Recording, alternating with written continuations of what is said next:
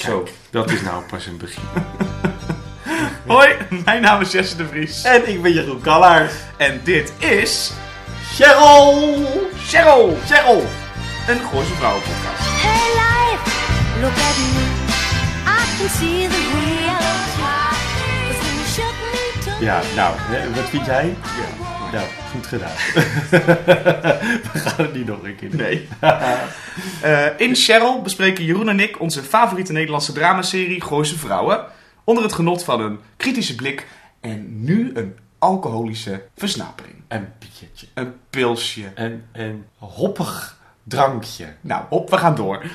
In deze aflevering hebben Jeroen en ik het onder andere over ja, rechtsgeldige vaderschapstesten, de mogelijk perfectste Gooise vrouwenscène, de kralenkettingclimax en de terugkeer van het Tippyfonds. I love it! Ik heb het zo gewist. Het Tippyfonds!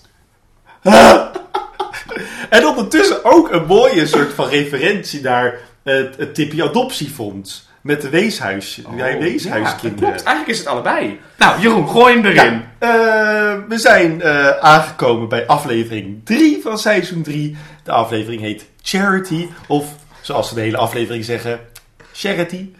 Eh, het was uitgezonden op RTL 4 eh, op 30 september 2007. Het had 1.408.000 kijkers.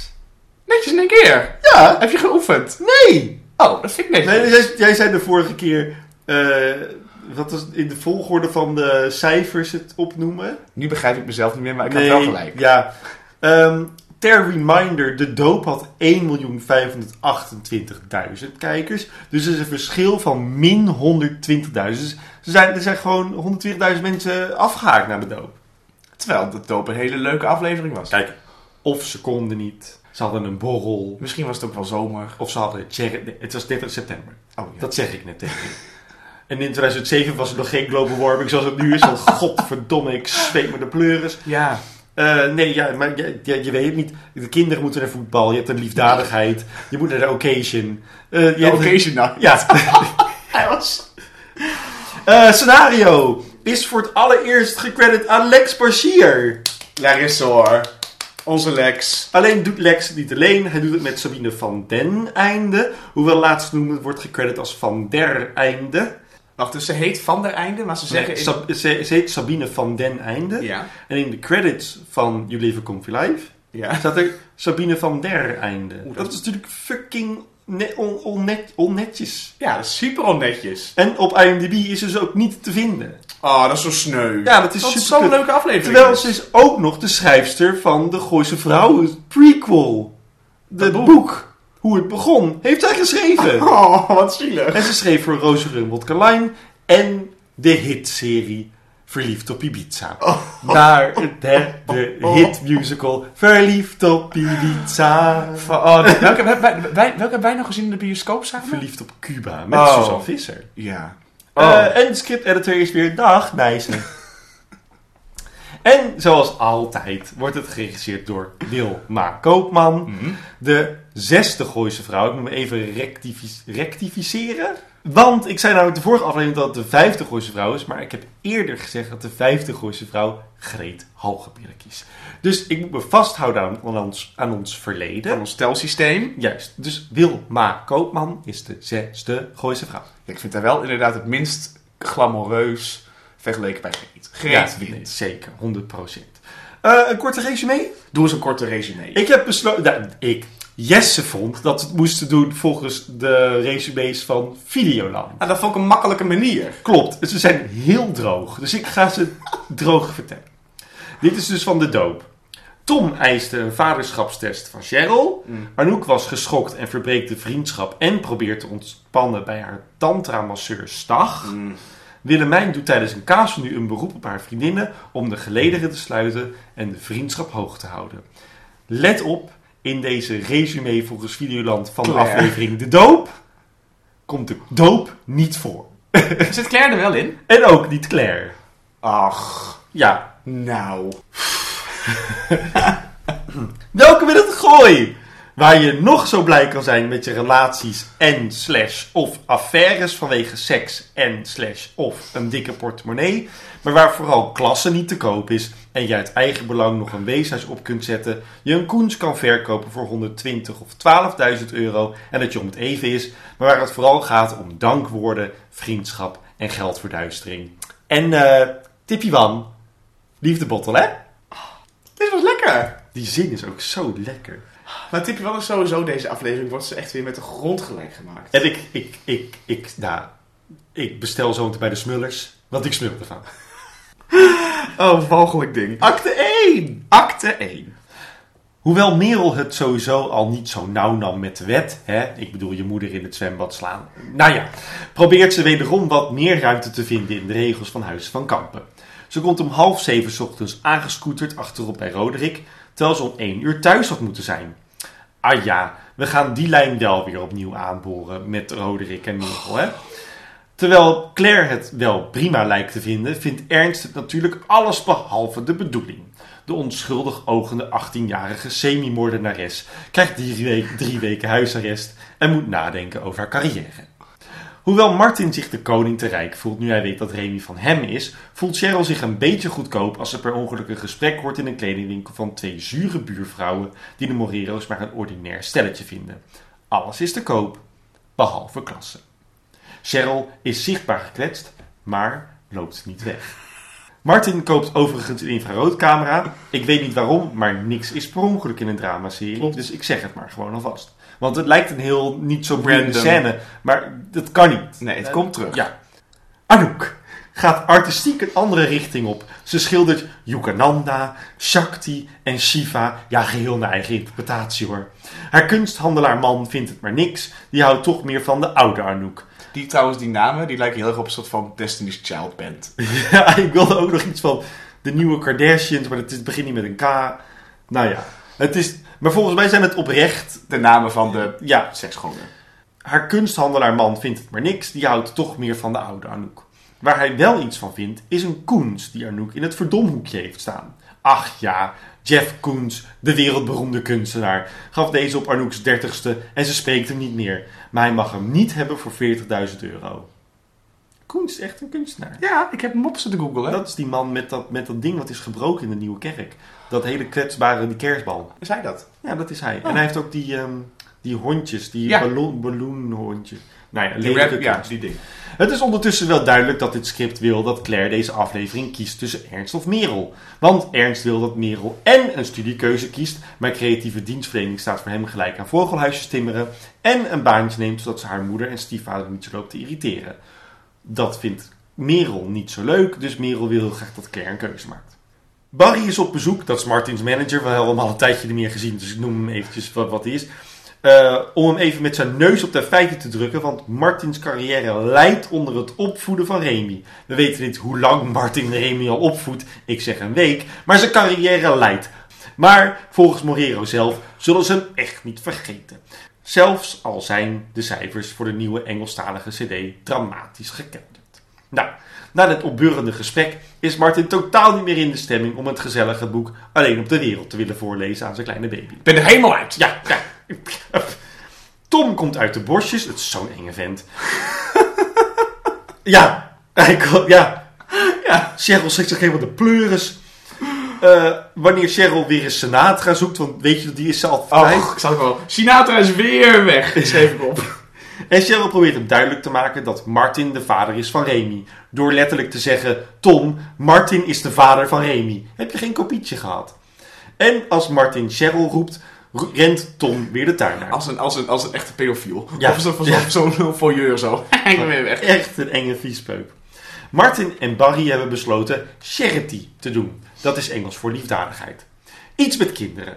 Het enige wat Cheryl hoeft te doen is, nou ja, alles te regelen. Koekeloe. Dat zegt hij.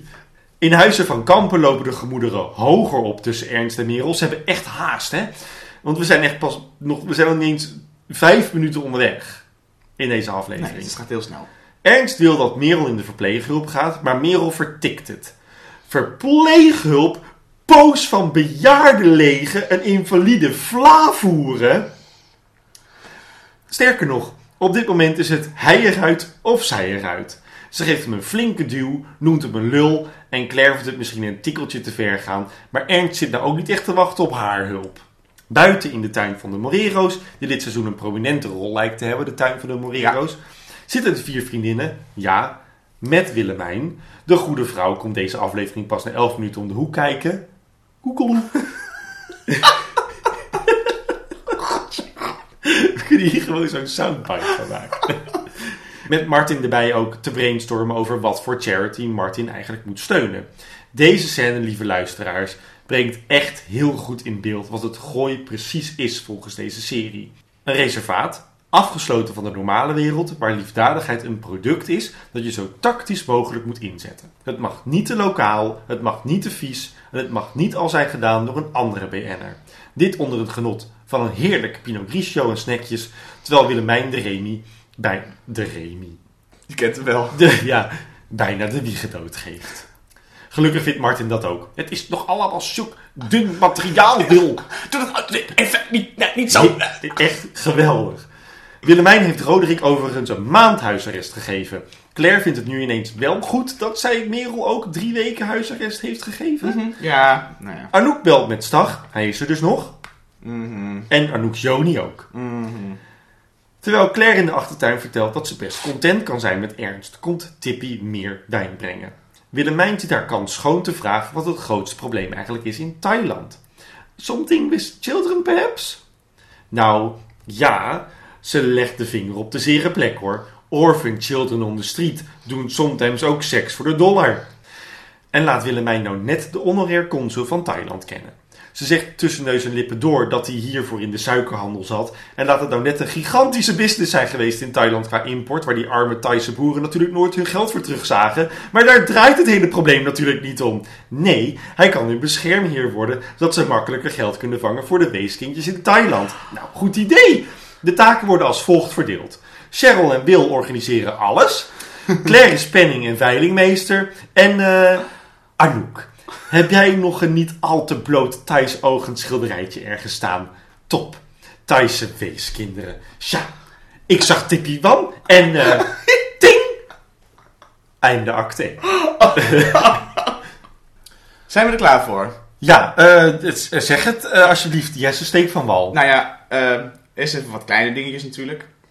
Dan heb ik zo meteen een groot dingetje waar jij misschien niet blij mee kan zijn. Oh, oh, Oh, oh, nee, oké, oh. oké dan. Nou, oké, in ieder geval. ehm, die scène dat Martin met Ma- eh, Remy over straat loopt. Hoe Ja. schattig het ook is met Staying Alive. Ja. Wonder. Het is een overbodige scène. Het is echt een Omdat overbodige letterlijk daarna dat wordt naverteld door die buren. De, eh, die, die buurvrouwen in de kleedkamer van Cheryl.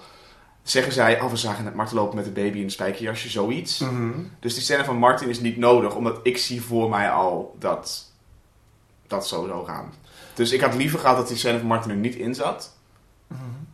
Dat hij aan het lopen met Remy is. En dat je gelijk de eerste scène eigenlijk na de Claire scène naar de kleedkamer gaat. Het voelt ook een beetje raar. Maar het is natuurlijk ook... We moeten eventjes privé zien dat Martin 100% Ja, daar heb je gelijk in. Ja, daar heb je de gelijk. vader is van Remy. Daar heb je gelijk in. Nou ja, niet 100%, 99,99%.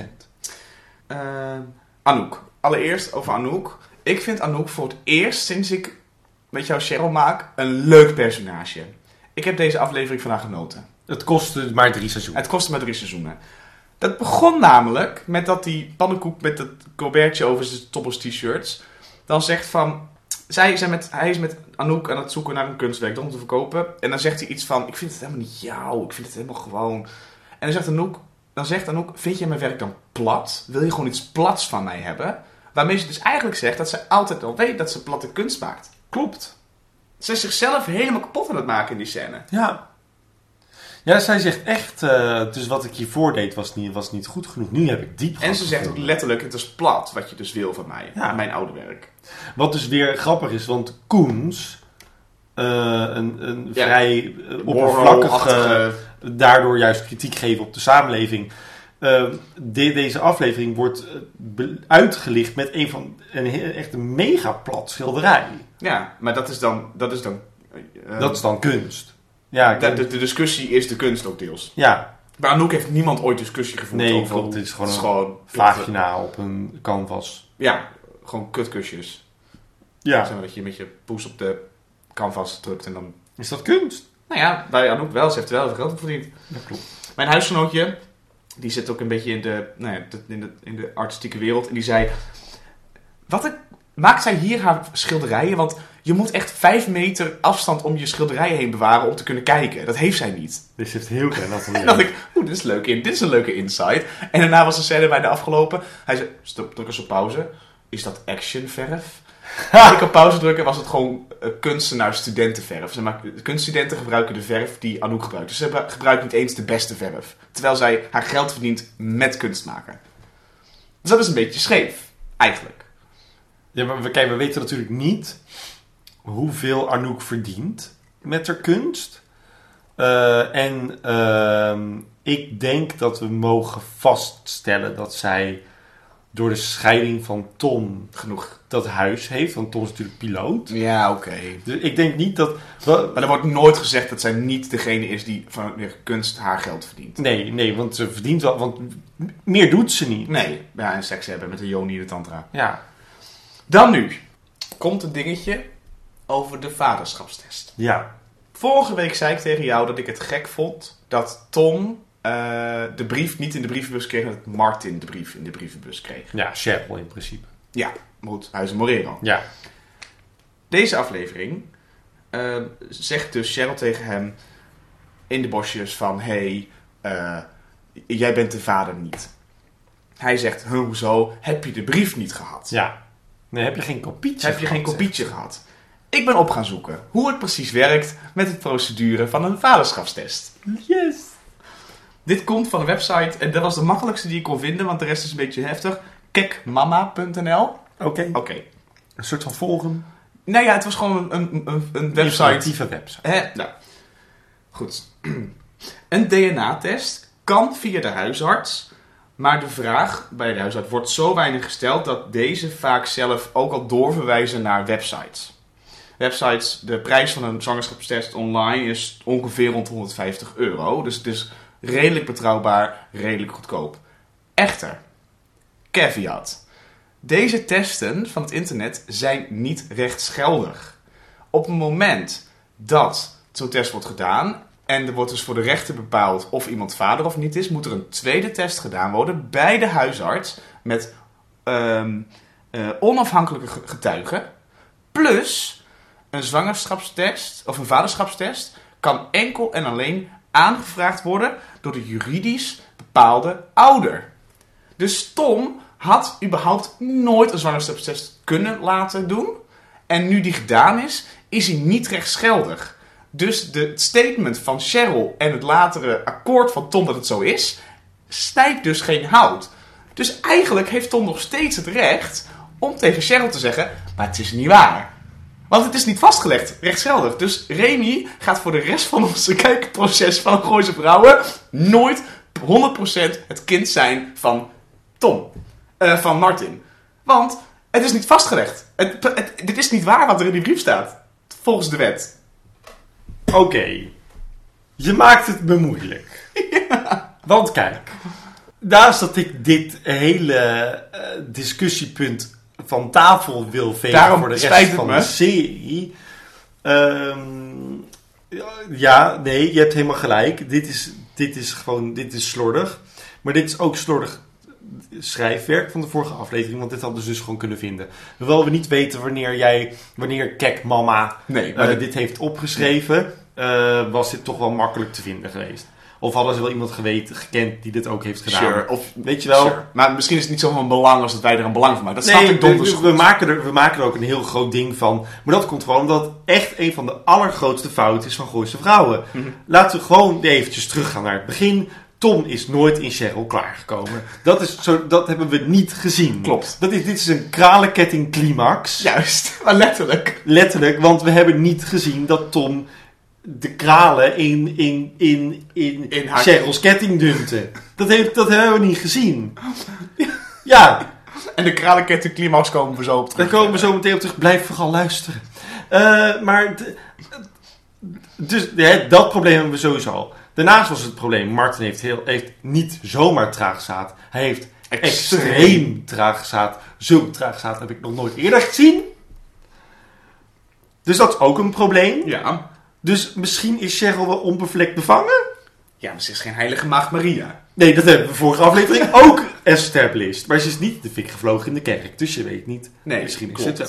Ja, dit is gewoon... ehm, weet je Jesse, we hebben, laten, Laissez-faire, laissez-passer. laten we het alsjeblieft met, ons, met onszelf afspreken... dat we deze aflevering nog één keer benoemen... en daarna gewoon niet meer over praten. Ja. Want Maar mag ik even de credits voor... Nee, ja, 100%. Ik vind het, ik, ik vind het heel super tof dat je dit uitzoekt. Het maakt, het maakt de serie alleen maar moeilijker wat dit betreft. Ja. Want dit soort dingen hadden ze kunnen weten. Het stomme is, als kijker, als gewoon Truus uit Assen, zeg Ga je, maar... ga je accepteren het dan volledig? denk je, oh ja joh, nou ja, weet je, een vaderschapstest. Dit, is, dit had in GTST nu net hetzelfde gebeurd. Het is hetzelfde met de rechtszaakscènes, die bijvoorbeeld, weet je wel, in, of de, de, de, de, de politiescènes. Het is politiescènes, rechtszaaksscènes in de, door de ogen van een komische dramaserie. Dus Ja. de details tellen niet. Ja, en dit is precies hetzelfde dingetje. Maar wat jij zegt, het is zo'n belangrijk dingetje geweest, dat je het wel goed moet doen. Ja. Het, het- ze, ze leggen natuurlijk er nu alweer. eh het is natuurlijk snel schrijfwerk geweest om dit punt van tafel te krijgen. Ja. Want eh, de schrijvers willen er hier ook niet meer. Ja, maar dan had je maken vorige hebben. aflevering dus die brief anders moeten doen. Was het nu het klaar beter- geweest. Wat jij ook zei. Ja, Het is logischer om de brief eh, bij Cheryl te laten of, aan- of helemaal aan Tom. Ja, het blijft gewoon. En het is. Als je kijkt naar deze aflevering en de vorige afleveringen, naar alle afleveringen die er waren. Eh, tot de- Cheryl en Tom seks hebben gehad. Is het alleen maar in onze wereld, de wereld van Jesse en Jeroen, een, een, een ding geweest. ja. Terwijl de hele serie interesseert echt geen Nee. moer. Nee, dat klopt. Maar ja, wij- ja nou, als, ik, als ik het had gedaan en jij ook. Met Cheryl? Nou, Nee, nee. nooit van mijn leven. Gooi zijn vrouw had geschreven. Oh, zo ja. Dan was het een heel ander ding geweest. Maar dan hadden we, dan hadden we het zo kapot geanalyseerd dat we het niet eens meer hadden gedaan. Nee, dat klopt. Maar goed, dus ehm, ik hoop dat je voor de rest van de tijd dat je nog Gooise Vrouwen kijkt, weet dat Remy nog steeds niet van Martin hoeft te zijn. Maar Remy is van Martin. Leuk trouwens dat ze alleen op de wereld lezen. Want Remy is zo Ja, van deze superleuk. Ehm, en eh, wat over dat, over dat eh, alleen op de wereld dingetje nog, wat ik een heel erg leuk zinnetje vond, was dat Martin dan zegt tegen Barry van, hij leest dat boekje voor aan, aan, aan de baby en dan zegt hij van, nou, weet je, je, je, je sales gaan omlaag en iedereen is je vergeten. Eh, en dat is natuurlijk een van zijn grootste angst, dat hij natuurlijk niet meer populair is. Ja, En dan zegt hij, terwijl ik het boek sluit, ik ben er helemaal uit tegen Barry. En dat vind ik heel slim, want het gaat zowel over het boekje, als ook eigenlijk denk ik zijn ego die zegt, ik, ik lig er helemaal uit. ja. Vond ik leuk sluit, vond ik een mooi zinnetje. Vond ik een mooi dubbel dramatisch geladen zinnetje. Gewoon tussen neus en, en pagina's door. Ik vind het alleen wel, wat ik, waar ik echt moeite mee had met die scène, en dat heb ik wel vaker gehad met Gooise Vrouwen, is dat ik heb geen, en het komt later nog een keer terug in deze aflevering, ik heb geen enkel idee wat de perceptie is van tijd Ja, in een aflevering, tussen twee afleveringen door, tussen eh, de cliffhanger van seizoen 1 en seizoen 2, tussen de cliffhanger van seizoen 2 en seizoen Klopt. 3. Het, het is... Je hebt, die- het is net, tijd doet er niet toe. ik denk dat het een beetje, dat ze de, de, hoe heet dat nou? De- Over je hebt de, oh de verteltijd en de vertelde Ja, tijd. ja, ja. ja. Ik denk dat de verteltijd en vertelde tijd letterlijk elke keer een week is. Tenzij anders aangegeven. Omdat het op de klassieke oude manier werd uitgezonden. En dat je dus als publiek constant het gevoel had... Oh, dit is weer een nieuwe, nieuwe week in het Maar dan is het toch raar voor Barry om naar Martin toe te gaan en te zeggen... Hé, je bent alleen maar bezig met dat kind. Terwijl, het maar, terwijl Ja, maar het goed, voor hetzelfde geld was hij elke dag voordat het kind zeg maar weer van hem werd... Altijd ook aan al het werk. bezig. En, en ook al bezig met het terugwinnen van Cheryl natuurlijk. Wat ook heel veel tijd kost. Want hij is... Maar het was toch logischer geweest, denk ik nu aan, als Barry had gezegd... Ja, je hebt natuurlijk dat ongeluk gehad, toen lag je er weken uit... En eh, nu heb je dat kind en daar moet je ineens voor gaan zorgen. En eh, je, had niet eens, je hebt niet eens in je huis gewoond de afgelopen paar weken. Weet je, als, als, hij- als je iets meer body had gegeven... Nu zegt hij alleen maar... Health and body. Ja, nee, is zeker helft, want hij heeft ook een ongeluk gehad. Eh, als hij het gewoon iets... iets Ja, klopt. het ja. was te weinig wat hij tegen hen heeft gezegd. Ja. Ja. klopt. En we weten natuurlijk wel dat sinds seizoen 2 het niet zo goed gaat met Martins carrière. Door Ja, we weten het alleen maar als het nodig is voor een plotlijn. Want voor de Ja. rest, er is in de uitgavenpatronen nooit iets aangepast. Nee, nu ook die charity kost volgens mij echt fucking veel geld. Ja, en de baby monitor dingen, dat maakt allemaal natuurlijk geen... Geld is echt diffuus, behalve als het 10.000 euro is of 100.000 euro wat ze Ja, jatten. Ze hebben, ja, maar dat doen de Morero's niet. De Morero's hebben op modderlood geklikt. Toen, toen ze de Sims aandeden. En Rosebud. Ja. Nou, daar heb ik Nou, dit was voor mij in ieder geval, Jeroen. eh ah ja, ja eh, acte 1. Echter, het, mijn kind is een moordenares. We hebben de vorige aflevering hebben we het benoemd. Ja. Als mijn moordenaresachtige dochter mijn niet zo labiele partner eh, een duw geeft, zou ik wel meer reageren. Dat is alles wat ik erover wil zeggen. Meer reageren dan alleen maar. Huh, Ja. weet je wel? Maar Claire is zo klaar met Ernst. Ja, en dat was ze de vorige aflevering al. Wij zijn ook klaar met Ernst. Ja, maar dat is, dat is goed gedaan. Goed. Nou, ik wil nog ik wil Ja, nee. twee, twee korte dingen zeggen. Ja. Merel. Jij hebt in de afgelopen week Gooise Vrouw een beetje vooruit zitten kijken. dat klopt. En jij hebt gezegd dat Merel op een gegeven moment een best goede actrice wordt. Dus ja, ze wordt inderdaad... Er, er verandert iets in haar. Deze aflevering niet. Zij mist, ze mist, ze mist elke beat. Ja. De, de, ik zeg die zin van die verpleeghulp. Oh. Dat haar intonatie, het, het- er klopt niks van. Ik heb naar haar gezicht zitten kijken. Dood. Daar komt niks uit. Ten, daar, er waren een paar momenten waarop ik dacht... Oh, daar, hier zie ik een soort van hint van Maar het is wel moeilijk, want waarschijnlijk moet zij van nul naar irritatie in één seconde tegenover Ja. Gijs Scholten van Ascat en eh Cleve Kamper. Ja, Siska Reiniger. ja. Nou, dat vond ik vervelend. Mereltje kan niet goed acteren. Mereltje kan gewoon... Ja, Mereltje. Ik een Mereltje. Fucking wereldje. En het tweede punt was Willemijn. Ja, wat, is er met haar, wat was er met haar aan de hand? De eerste 10 minuten, ik heb het getimed. 11 minuut 4 komt Willemijn in een shot. Ja, en die scène die we hadden... Nou, daar was niks over te zeggen wat het perfect is. Maar ik vond ehm eh Annette Malherbe vond ik een beetje, beetje neutraler g- acteren dan normaal gesproken als Willemijn. Daar was wat ingetogen. Ja, ze was een beetje, een beetje hapsnap weg en, eh, en een blokje kaas naar binnen duwen. Echt wel even, die, die, die- je hebt Oh. gelijk, we moeten het even over die scène hebben. Oh. Gewoon puur omdat die scène, dat is iets waar we toch al een tijdje op zitten te wachten. Dat we alweer een paar afleveringen zitten te zeuren over Gooise Vrouwen. En de scène dat ze met z'n vieren en Martin erbij bij elkaar zijn, dat is gewoon goud. Maar dit is, dit is denk ik de perfecte Gooise vrouwenscène. Ja. Het is kritisch naar zichzelf. Het maakt eh BN'ers in het echte wereld belachelijk. Elk personage is eigenlijk in essentie wat het moet zijn. Namelijk de Morero's zijn een entiteit. Claire is een... Dat klopt. De beeldvoering is goed gedaan. De belichting is goed gedaan. Het is kneuterig. Tippy Van is aanwezig. Die maken ze belachelijk. Het gaat om iets loos.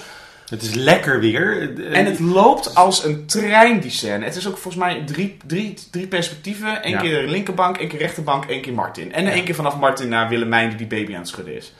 En ik zat echt, ik heb, het is, het is, het is, dit, als ik, als ik Gooise Vrouwen zou moeten aanraden, dan zou ik deze scène aanzetten.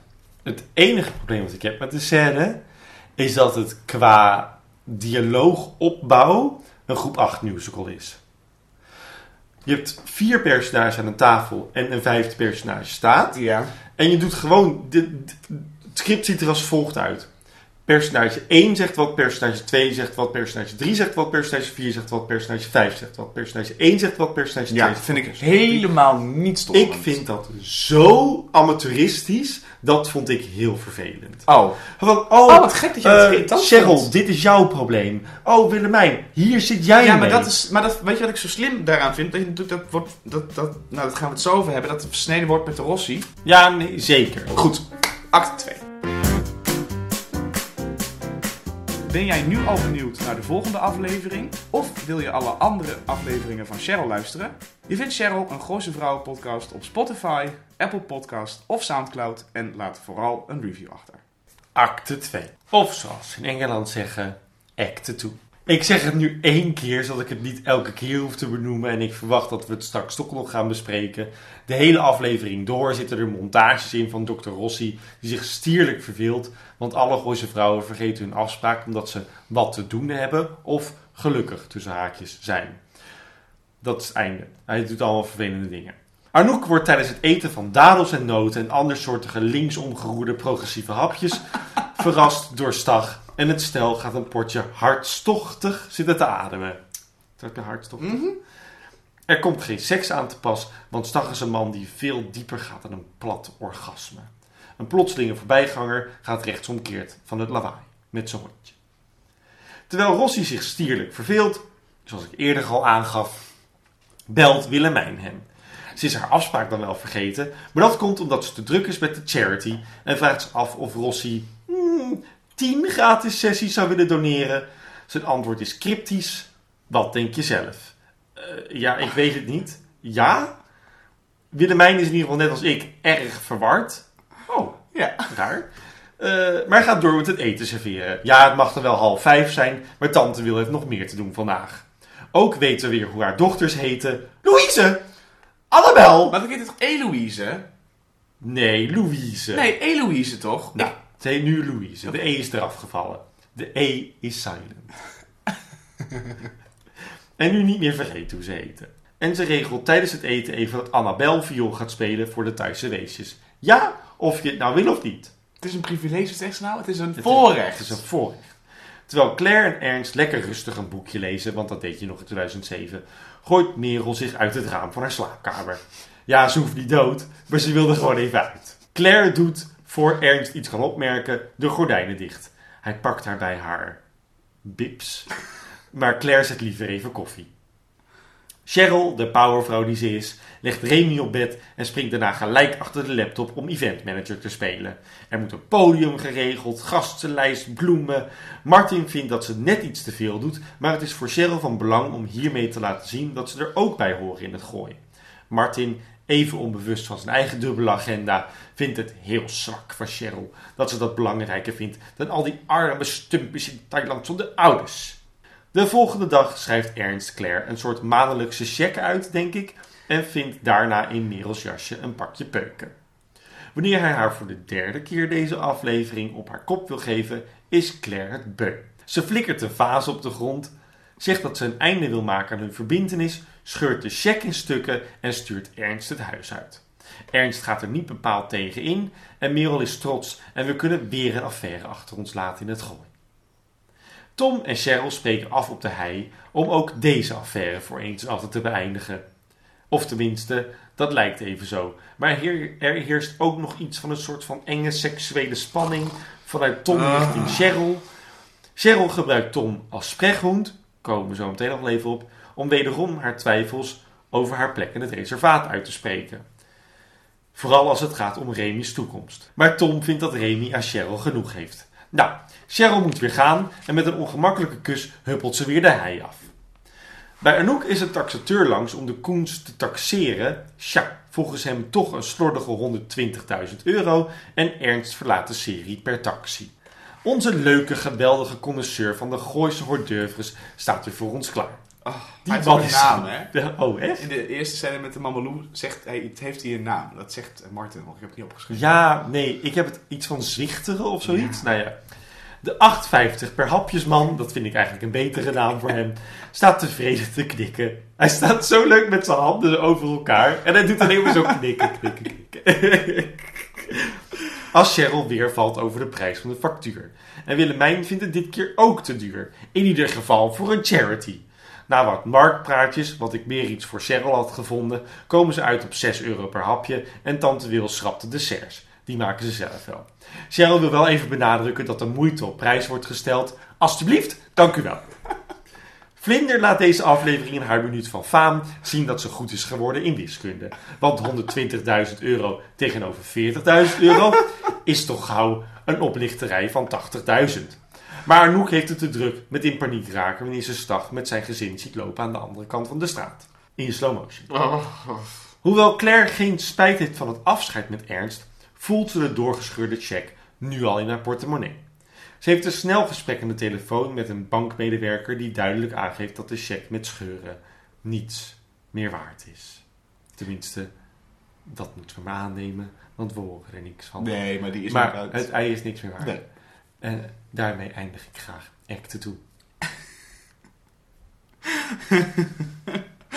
Die 8,50 per hapjes, man, is toch zo fijn. Dat is toch... je zou hem maar... Elk, elk seizoen wordt gebeld. Dus, nou, je mag weer hoor. En hij denkt, yes! Gewoon even zo. Nee, 57. 4 euro. 55. Ze- ze- 7. 6. Oké, is goed. Ja. Ah, Oké. Jesse, Ja. waarom zit... Ik, ik, ik snap er echt niks van. Hè? En ik, ik denk dat jij hier lang genoeg over na want je hebt zes kantjes volgeschreven. Mm.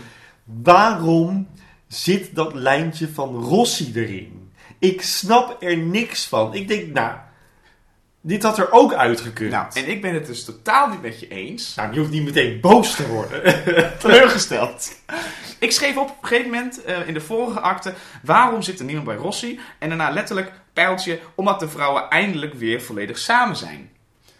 De serie wil hier volgens mij mee zeggen... dat wanneer de Gooise vrouwen samen zijn...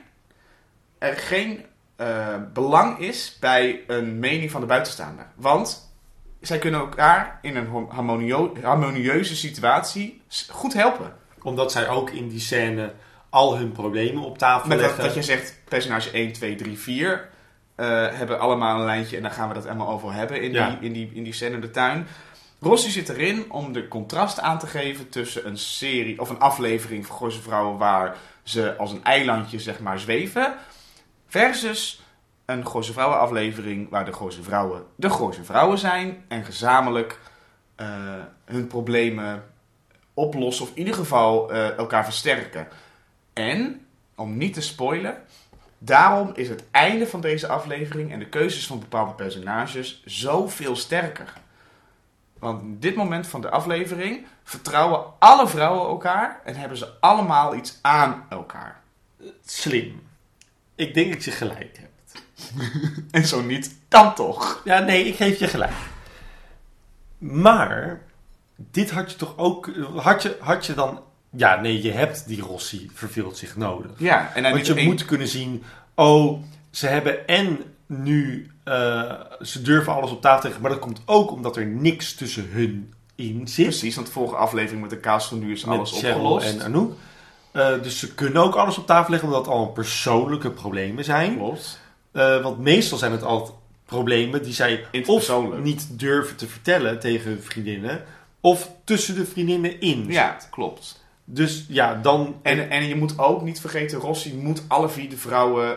eh, we moeten zien dat alle vier de vrouwen hem vergeten. Dus we zien Ja. eerst eh, de naam van Cheryl in het boekje staan. Dan de naam van Claire. Dan de naam van Anouk. En Willemijn belt hem. Ja. Dus dat, je moet ook wel dan het ritueeltje... In, dat ritueeltje wat we eigenlijk zien gebeuren... moeten we afgemaakt zien worden. Ja. En daarom is het ook zo lekker dat we dus de laatste, Willemijn... het mondeling zien doen. En dus zijn reactie eindelijk in woorden... namelijk wat denk je zelf... en de telefoon neerhangen, ook zien. Maar wat betekent dat? Waarom zegt hij wat denk Omdat hij gewoon... eh, Dat, bij mij was het... Ja, flikker maar op. Doe maar... Nee, tuurlijk ga ik dat niet doen. Maar dat is onprofessioneel van Jawel, hem. maar hij is gekwetst. Hij is gekwetst, hangt hij op. Oké, je hebt gelijk. Maar daarom vroeg ik het. Ehm, maar goed, dus, de- dus daarom was het nodig. Eh, en en, eh, en, en nou, waarom het dan belangrijker wordt, gaan we het zo over hebben. Ehm, de scène van Cheryl en Martin Morero. Waar Martin op een gegeven moment zegt, het is toch voor de weesjes en je moet... Ja. Ehm, dit was zo'n scène die zo goed in elkaar zit qua dialoog. Omdat er allebei de personages ehm, bij hebben gedragen aan het hoofdplot van de aflevering. De charity is eigenlijk afkomstig vanuit de angst van Martin om dus niet vergeten te worden. De angst vanuit Barry's manager om geen geld meer te kunnen verdienen aan Martin Morero. Jawel, maar goed, Martin maakt het zichzelf eigen. Ja. En nu zien we hem tegenover Cheryl. En Cheryl heeft door de scène in het kleedkamerhokje de angst, wederom die ze altijd heeft, om buiten gesloten te worden. Dus twee personages die allebei met een eigen agenda één plotlijn, eh, de charity, ehm, invullen. En Martin is niet nu vergeten dat hij, dit, dat, hij dat met een eh, agenda doet. Maar omdat hij altijd beter wil zijn dan de ander en altijd erboven wil staan, gaat hij Cheryl dus bagatelliseren en, en daar belachelijk in maken. Hij weet donders goed dat hij dit ook doet voor dezelfde reden als Cheryl. Maar hij doet net alsof het niet zo is. Ja, Hij is aan het faken. ja. Maar dit is zo'n plotlijn, dit is zo'n aflevering waarbij de gimmick, dus noem het, eh, nou ja, de charity is een gimmick en dat de Ja, doop een gimmick zeker. is. Nu voelt hij voor het eerst voor mij heel erg rond. Het is sowieso, de, de charity is een veel rijker en gooiser iets om lekker je ding mee te doen. Ja. Dan bijvoorbeeld de doop De in de eerste. En eh, de, eh, de spa-dag in, in, in de eerste aflevering was. De, want dat zijn ook, ze zoeken kapstokjes Ja. om, eh, om iets op te hangen. En Charity werkt echt heel goed. En het werkt goed omdat het, omdat het gegrond, omdat het geëikt is naar de intrinsieke belangen van twee personages eigenlijk. Ja. En daardoor is het heel goed dat ze dus, wat ze doen met Willemijn zo meteen en met Claire en Anouk ook wel ergens. eh, ze weten er heel veel goede, ze weten het heel erg eh, verbonden te maken. Dus ze hebben er allemaal iets mee te maken. Ze hebben allemaal iets waarmee ze, Ja. waardoor het voor hun van belang gaat zijn en voor ontwikkeling of eh, conflict gaat zorgen. Ja. Eh, ehm, Ernst gaat godzijdank eindelijk, eindelijk weg. En hij zegt tegen Claire dat zij geen molecuul van liefde in zich heeft. Terwijl ik, terwijl ik het zag, dacht: dit is een van de eerste keren weer dat Claire liefde toont. Want zij kiest er dus voor om haar dochter voor haar financiële zekerheid te Maar zo ervaart Ernst het niet. Nee, maar Ernst weet dat dit haar grootste angst is. Daarom ja, zegt hij daarom het. pakt hij er. Daarom pakt hij er. En zij laat zich niet kennen. Ernst laat deze aflevering echt zien dat het een verschrikkelijke vent is. Maar is hij wel meer geworden sinds seizoen 2. Bij seizoen 2 het begin was hij die man van de 100 miljoen. Ja. En nu is hij de man die geen cent waard is. Nee, het is, het is, het is, Hij is nodig om Merel... het is een compleet eigen gemaakte probleem van Claire. Hmm. Claire had de vorige aflevering ook kunnen denken... Ja, weet je, dan eh, maak ik toch niet zo'n punt van... En dan geef ik er een beetje gas tegenaan, want als hij wil blijven... Ja, maar als het om seks gaat, gaat het om intimiteit. Ja, en nee. daarom moet zij... Zeker, ze, ze, ze, dat maakte ze dit seizoen wel groter. Dus het was Mhm. duidelijk dat ze heel graag van Ernst af wilde dit seizoen. Ja, ja, dat is ze gelukt. Ja, klopt. Nou, en dan nog... Wat ik wel over eh, Claire en Ernst... Die scène dat ze daar zitten een boekje te lezen... Mm. en dat Nero uit het raam valt. Dat is een hele grappige scène, dat geef ik ze toe. Ik zeg het, ik zeg het gewoon nu nog één keer, hoef het daarna gewoon niet meer te doen. Ik- De, de muziek uitkiespersoon. Jeroen. Oh, Had oh dit seizoen- maak deze zin af, want zo meteen ga ik hierop pakken. Oh, mooi. De muziek uitkiespersoon had deze s- de, de- gewoon ontslagen moeten worden. Kijk naar aflevering 2. We hebben het er wel een half uur over gehad, over de verschrikkelijke muziekkeuzes die worden gemaakt. Ze vielen deze aflevering wel mee. Soms zaten er goede momenten in. Misschien is het de stagiair die leert. Maar, mijn god. Oké. Oké. Oh! Ja, nee, pak me zo meteen maar. Maar, ik, ik, denk, ik dacht echt, nee, het- hou- dat- datzelfde met, die in het, met de eerste acte, dat dan Anouk en Stag gaan seksen, dat er dan weer je t'aime. Oh, zo lelijk. Ja. Ik hou er niet van. Nee, nee, maar goed, ja. Je- Je t'aime. Je je t'aime. Wie gooit er nou weer je t'aime Wat onder betekent het? Liefde? Ik hou van jou. Oh ja. Maar het is dat seksnummer. Je t'aime. Ja, het is irritant. Dat tijdens het seksnummer. Super bekend. Ja, ze doen het tijdens de hijgscène. Het Verschrikkelijk. is echt rood op rood op rood. Dan nu. De scène van Tom en Cheryl. Ja. Over de scène zelf heb ik één zin. Daarna wil ik graag dat jij de sprechgroen-term even uitlegt. En dat ik onze luisteraars eventjes een nieuwe Cheryl Gooise Vrouwen podcast term beter uit ga leggen. Zodat we vanaf nu sneller daartoe kunnen komen. Tot een hoogtepunt. Dankjewel. De Cheryl Tom scène op het bankje heb ik beschreven als volgt. Op een bankje in het park kwam het besluit. Moet ik kappen, moet ik vluchten? Nee, Cheryl knijpt er tussenuit. Ik vind het weer heel mooi. Dankjewel. De sprechgroen, go. Ja, nou, Cheryl die is heel erg... eh, hè, eh, die is een beetje ongemakkelijk of downerig of zoiets. Ik veel. En Tom vraagt, hè, wat is er aan de hand? Wat je als personage in een script sowieso nooit moet vragen aan een ander personage. Want, Vertel eens even wat er met je aan de hand want is. je weet sowieso dat er een slechte scène volgt. Ja. Een sprechhond is... Kijk, luister. Je moet het als volgt zien. Mhm. Je hebt twee personages. Zeg de een heet Cheryl en de ander heet Tom. Cheryl heeft een probleem. Of tenminste, die, heeft, die zit met iets. En eh, Tom heeft niks. Tom heeft 0% drama in zich. Want Tom is een soort van bijpersonage. En het enige wat Tom had, is hem een minuut geleden afgenomen. Want Tom heeft niks meer. Tom is niet meer de vader van Remy. Ook al heb jij een mooie theorie. Nee. Volgens de serie is Tom niet Ja. meer de vader van Remy.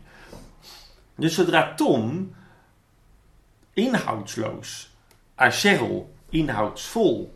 Het is een soort van. Nee, nee, ga. Een zakje thee in een kop water. Nou, precies. Ja, Cheryl gaat vervolgens, die kan al haar twijfels nog een keer benoemen. Kan nog een keer zeggen waar ze mee zit. En hè, dat ze het zo goed wil doen voor Ray. Gewoon haar, haar, haar innerlijke twijfels die we moeten voelen en zien.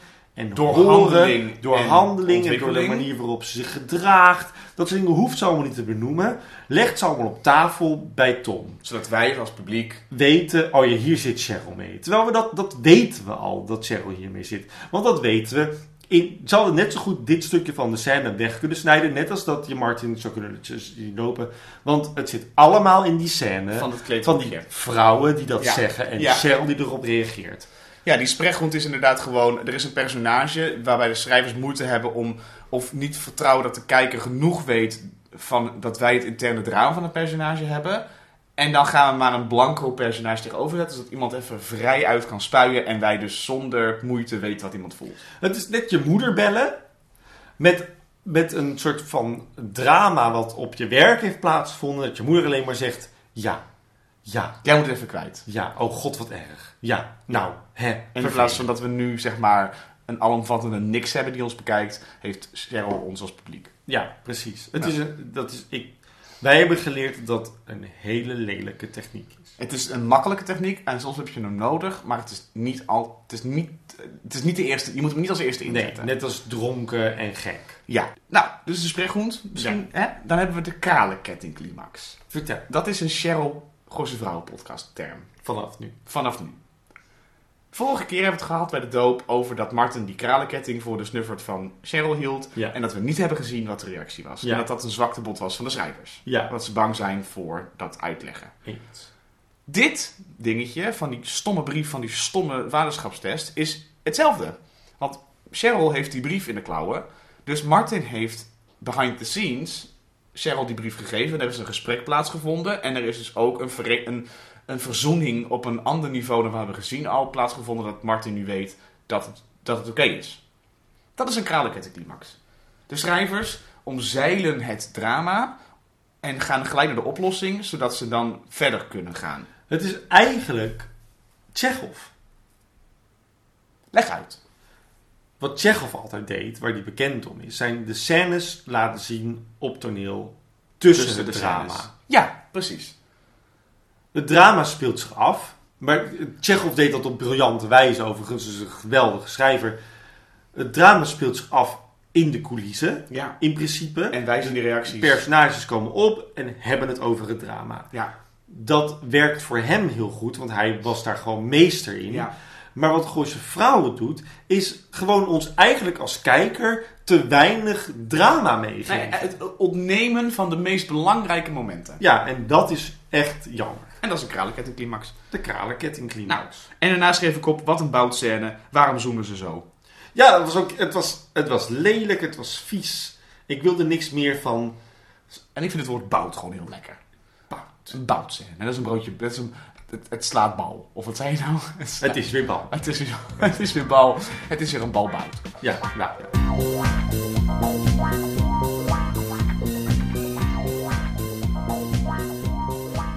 Cheryl, een Gooise Vrouwen podcast, is te beluisteren op Spotify, Apple Podcast en Soundcloud. En te volgen op vrijwel alle sociale media, het Cheryl Podcast. Acte 3. Of zoals de Fransen zeggen, acte 3. Bij Willemijn worden de desserts afgeglazuurd door Anouk, die wat depressief binnendruppelt overstag. Ze gaat niet overstag, maar het, het is vanwege stag. Gevolgd door Cheryl, die teleurgesteld aankondigt dat Wibi Soriadi... Eh, nou goed, hij heeft in ieder geval de charity van Cheryl afgezegd. Waardoor Cheryl geen hoofdact meer heeft. Hallo Martin, Ja, nou goed. En dus heeft haar charity geen jacket meer. Cachet, hè? Of wat ook. Nou ja. En Claire vertelt dat ze Ernst buiten de deur heeft gezet en weer terug is bij af. Financieel helemaal. Nou ja, fijne zondag allemaal. In de voorbereiding van het evenement laat Willemijn even zien waar ze goed in is. Zeggen dat ze iets gaat regelen en vervolgens doordelegeren aan Roderick. Want ze doet zelf helemaal niks, hè? Geen probleem hoor, gewoon goed leiderschap. Roderick moet het schilderij van Anouk even ophalen bij Anouk. En Cheryl moet Martin even zoeken voor Barry. Maar Martin heeft geen tijd. Omdat hij persfoto's maakt en Cheryl erbij betrekt. Ja, zegt hij. Dat had ook voor Chinese weeskindjes kunnen zijn. Maar we hebben toch zo'n Thais dingetje rondlopen in huis. En door. Het is wel typisch Martin. Ja. Anouk zet het peperdure schilderij van Koens met het schilderij voor de charity voor nu even in een hoekje. Ze neemt ze zo wel mee, want nu wil ze het eerst even uitmaken met Stag. Maar Stag niet. En ze gaat dus over Stag. Terwijl de gasten binnendruppelen van de charity en Cheryl de twee Gooise bitches van eerder in de kledingwinkel even een veeg uit de pan geeft. Oh, Het is wel een lekkere scène. oh. Ja, toch? Letterlijk alle woorden gebruiken van de vrouwen. Zo lekker. Zo. En dan zo neerbuigen. Ah, de share manipulatie is, een, is, is, is de weer... Cheryl manipulatie is back. Ja, echt. Back, back, back, back, back again. Ja. Pakt Roderick in de gang van Anouk's huis even gauw één van de twee schilderijen mee en laat Anouk en Stag nog meer even doorgaan met waar ze mee bezig waren. De Shaki en de Shoni. Ja, met de Shoni en de Lingan en, eh, en de en eh, wie er allemaal nog meer bij komt kijken. Willemijn stelt Cheryl voor aan de honorair consul van Thailand en vertelt met een grote glimlach dat je hart toch breekt van die prachtige foto's van die weesjes. Het is zo erg. In de bosjes vindt Willemijn haar twee kinderen schreeuwen en tieren gezien ze echt die viool niet willen spelen. Maar Tippy Wan komt als een soort reddende engel op ons neergedaald en wil wel met Annabel een lekker moppie spelen. Die Tippy, ze verbaast je keer op keer. Willemijn laat overigens zien hoe oppervlakkig hun liefdadigheid is, want ze vertrouwt Tippy het dure instrument niet toe. Anouk wil het toch echt uitmaken met Stag na de seks, want ze vindt het gek dat hij gewoon getrouwd is. Stag vindt het gek, want Anouk wist dit immers al, maar het echt zien is toch anders voor Anouk. Het is een aflevering gevuld met afscheid, want ook deze affaire is bij deze beëindigd. Het drama wordt versterkt door prachtig vioolspel van Annabel en Tippy en Tante Wil is tot tranen geroerd. Het schilderij van Koens is per ongeluk meegenomen door Roderick in plaats van het schilderij van Anouk. En die grap kan Anouk's galeriehouder of zo niet echt waarderen. Anouk gaat in sneltreinvaart naar de charity om het recht te zetten, maar is net te laat als de hamer van Claire de tafel raakt bij een bod van 12.000 euro. Cheryl krijgt van Martin een jurk van Percy Irisquin aan 30.000 euro in een veilingbattle tussen Martin en een van die Gooise zuurpruimen van de kledingwinkel. Bij het winnen van de jurk laat Cheryl even goed zien dat er met de Morero's niet te sollen valt. Overigens, Per- Percy, Percy Irisquin, die ontwerper, is het jaar daarna overleden. Ik heb geen idee wie het is. Nou, het is een groot, dat was, dat was een groot Nederlands ontwerper. En die is in 2008 of 2009 overleden door een hersenbloeding. Hij was pas 39. Oh, Dat is heel erg. Hij was dat echt... was een mooie jurk trouwens. Het was, maar hij, was echt, hij, was, hij ging echt heel hard. Stel hem... En toen ging hij dood. Ah, Ja, nee, je moet altijd stoppen op je hoogtepunt. Hoewel Claire natuurlijk een eerlijk mens wilt zijn, kan ze het niet laten om in haar nieuwe financiële sores toch een cheque in haar, in haar tasje te steken en de totale opbrengst van de charity op 230.000 euro te zetten. Iedereen, inclusief ik, zou ook met dit bedrag in hun nopjes zijn, maar Tippy heeft precies gezien wat Claire heeft bekokstoofd. Cheryl dankt iedereen voor de leuke middag in haar net nieuw gekregen jurk. Ze staat daar leuk, zo leuk te, ze, Oh, ze staat daar zo leuk te. Als kers op de taart dankt ze niet Willemijn, maar de tourmanager van Martin. Willy voelt zich uiteraard gepasseerd en de Gooise zuurpruim gooit nog een beetje zout op de wond. Anouk probeert de schilderijen nog te verwisselen, maar de koper van de Koens wil het natuurlijk niet ruilen. Willemijn sneakt het feestterrein af en Tippy kijkt Claire lang en verdacht na. Claire voelt de aanwezigheid in haar nek, maar als ze zich omdraait is Tippy weg. Onder feestgedruis van Martins, een glimlach van een kind wat hij nou wel kan zingen, verandert de sfeer door donkere, duistere muziek. Shit's gonna hit the fan. Credits. acte 2. Ik wil het niet lang over Stag hebben. Dus ik ga, er, ik ga er heel snel doorheen. We hebben het vorige week gehad over dat Stag de manipulator is en niet Anouk. En dat- daar ben ik nog steeds heilig van overtuigd. Dat zie je deze aflevering wederom. Wederom. Hij, zij, is, zij is in het recht om in het eerste moment dat zij de confrontatie, in confrontatie zijn gezin ziet, daar iets over te voelen. En te bepalen, daarmee te willen stoppen. En hij gaat dan zeggen, maar je wist het al. En in plaats van wat hij altijd zegt, ik wil je Joni en je tante aan het universum zien, zegt hij, we kunnen toch een vluggetje doen. Dus hij laat nogmaals zien dat hij zo'n walgelijke vent is, die als het puntje bij paaltje komt, alleen voor de seks gaat. Hij laat zien dat hij eigenlijk een soort van eh, Epstein-achtige figuur is. Die je binnenhaalt met iets. En daarna zegt, ja, maar ik wil eigenlijk gewoon seks met je.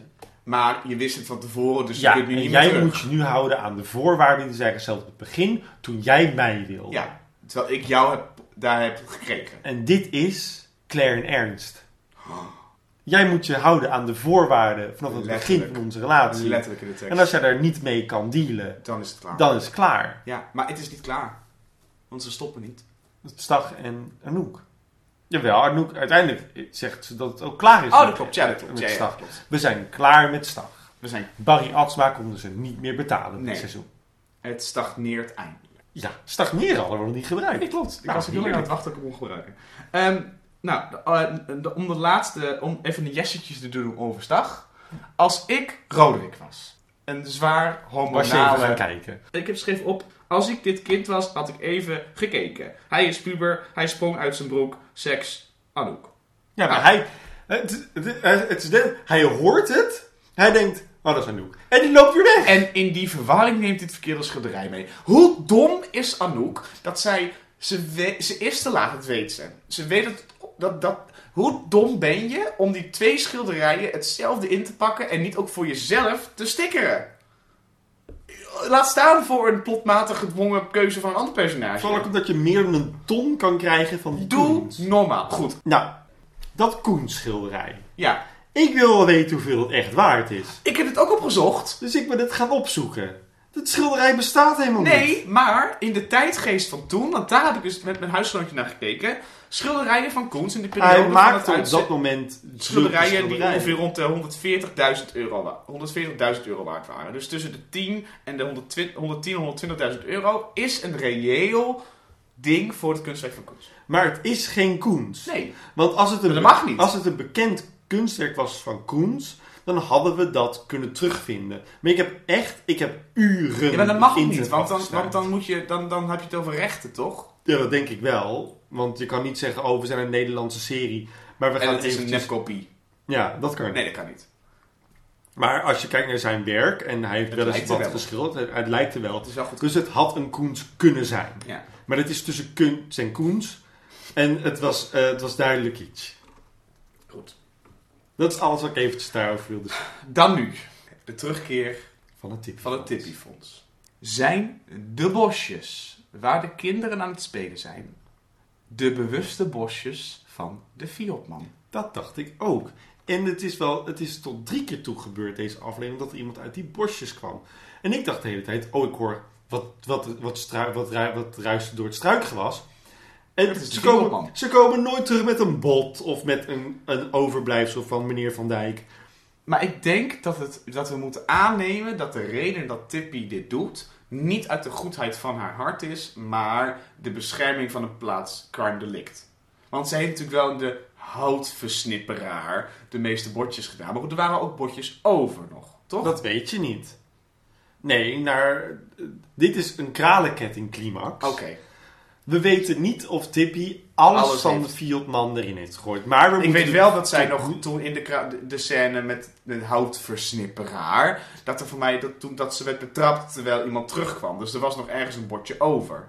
Dat, het, Volgens mij was dat iets wat... theoretisch zou dat, Dat zou het terug kunnen zijn. Dat, dat kan. Maar de bosjes zijn niet voor niks de bosjes. En toen begon gelijk mijn hoofdje te draaien met... Oh, Tippy. You, you did it again. En dan inderdaad dat Tippy ziet dat Claire het geld aan het jatten is. Toen dacht ik... "Oh, is Tippy nu niet ook gewoon vanaf het begin af aan al die charity op haar dingen aan het doen... zodat ze dan weet dat er geld op komt en dat ze dat in haar, in haar tas kan stoppen? Heeft ze bedoel je nou dat Tippy eh Tippy is gevraagd, Tippy is gevraagd door Willemijn waar, wat, wat charity, wat voor charity. Oh, dus dat zij een heel goed... zij heeft een idee bedacht. Want zij, zij heeft dit denk ik bedacht als in van, oh dan moet ik extra zielig doen, want dan komt er heel veel geld binnen. En dan kan ik het jatten. En omdat Claire het jat, ben ik extra boos en ga ik daar iets mee doen. Dat, dat is... Want anders had zij het zelf gejat. Ik denk dat je hiermee Gooise Vrouwen overschat. Maar we gaan kijken wat aflevering 4 ons brengt. Maar ik ben al lang blij dat de Tippy Fonds terug is en dat de manipulerende Cheryl terug is. Ja, daar hou ik echt ontzettend van. Oh, die blik van Cheryl. Zodra Martin die 30.000 euro roept en die zuurpruim zegt, ik kan niet meer verder.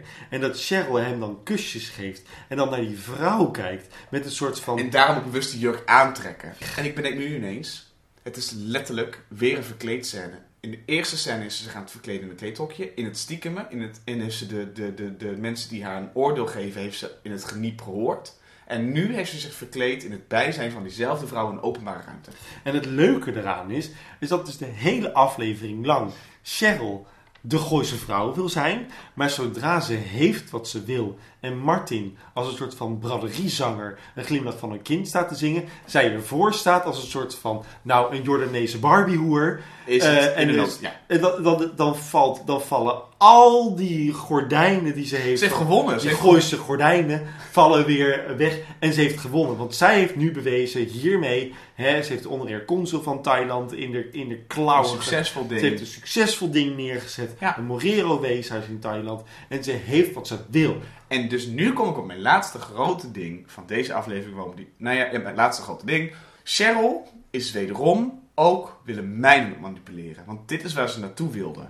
En daarom heeft ze Willemijn niet bedankt. Omdat Willemijn voor haar niet van belang is in deze lijn om te bedanken. En zij heeft Willemijn bewust niet bedankt. Omdat het haar evenement is. Precies. Het is een Morero charity. Precies. En niet een Morero en Willemijn. eh, eh, Het zijn niet de Morero's featuring Willemijn Noten. Nee, klopt.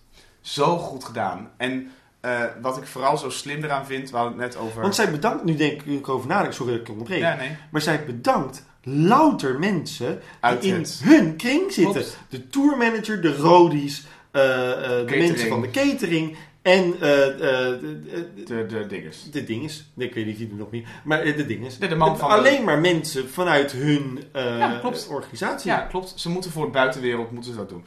En dan nu kom ik op een punt dat ik denk dat deze aflevering misschien wel beter is dan Zwarte Magie. Die ik op dit moment op 1 heb staan.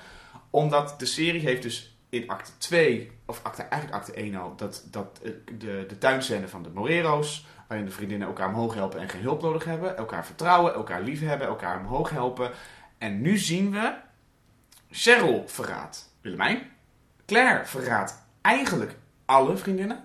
Ja. En in zekere zin verraadt Willemijn Anouk door niet zelf dat schilderij op te halen of ehm, bewust te zijn en te zeggen: hé, hey, dit is geen Anouk. Het is, dat zeggen ze ook, het is wel heel het is voor mij is het. Dat ze twijfelen over de, of het een echt een Anouk is.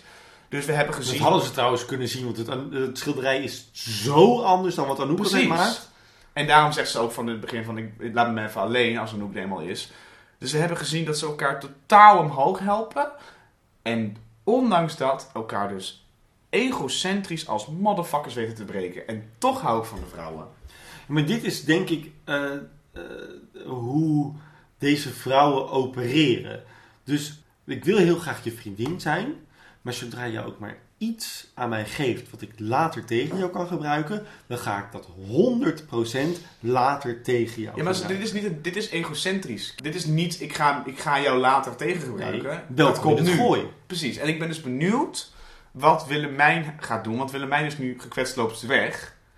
Ehm, eh, eh, en dit is natuurlijk de zoveelste... Uit eigen belang. Uit, jawel, maar goed. Uiteindelijk is het de zoveelste keer dat zij wordt gebruikt. Ik ben wel benieuwd wat Willemijn haar reactie is. Want weer zien we dus de kralenketting-climax. Niet een conflict in deze aflevering. Dat kan een bewuste keuze zijn tussen Ja, de dat denk personages. ik wel, want anders moet je je voorstellen dat er hier nog... Jawel, dat klopt. Weet je Nee, wel, dat is echt te veel. Ja, klopt. Ik heb nog één ding. Oké.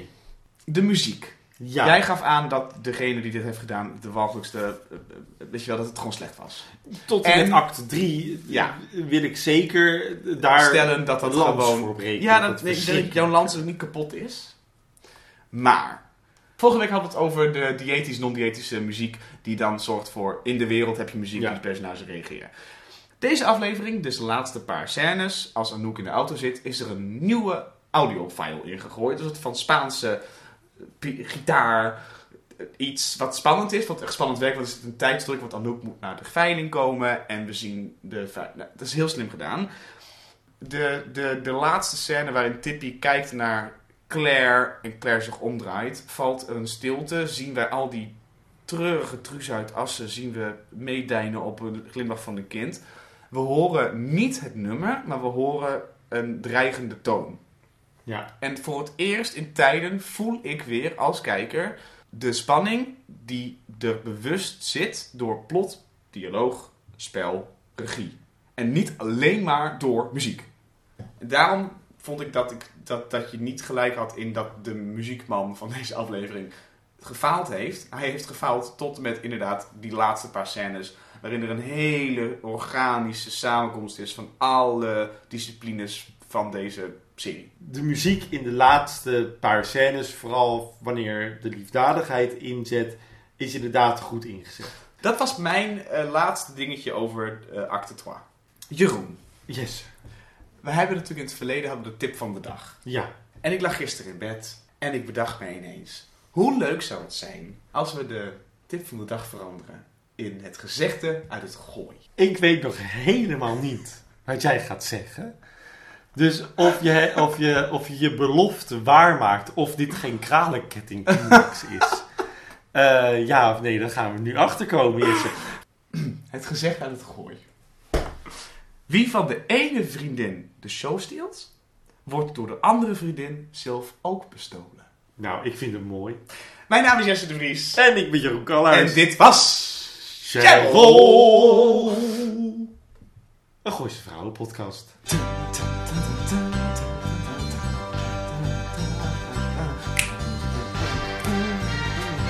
En nu gaat de airco aan. Hey live! Look at me. I can see the way up high. Snabbidi-bidi-bidi-bidi. Mama, mama, loe. Koekoe.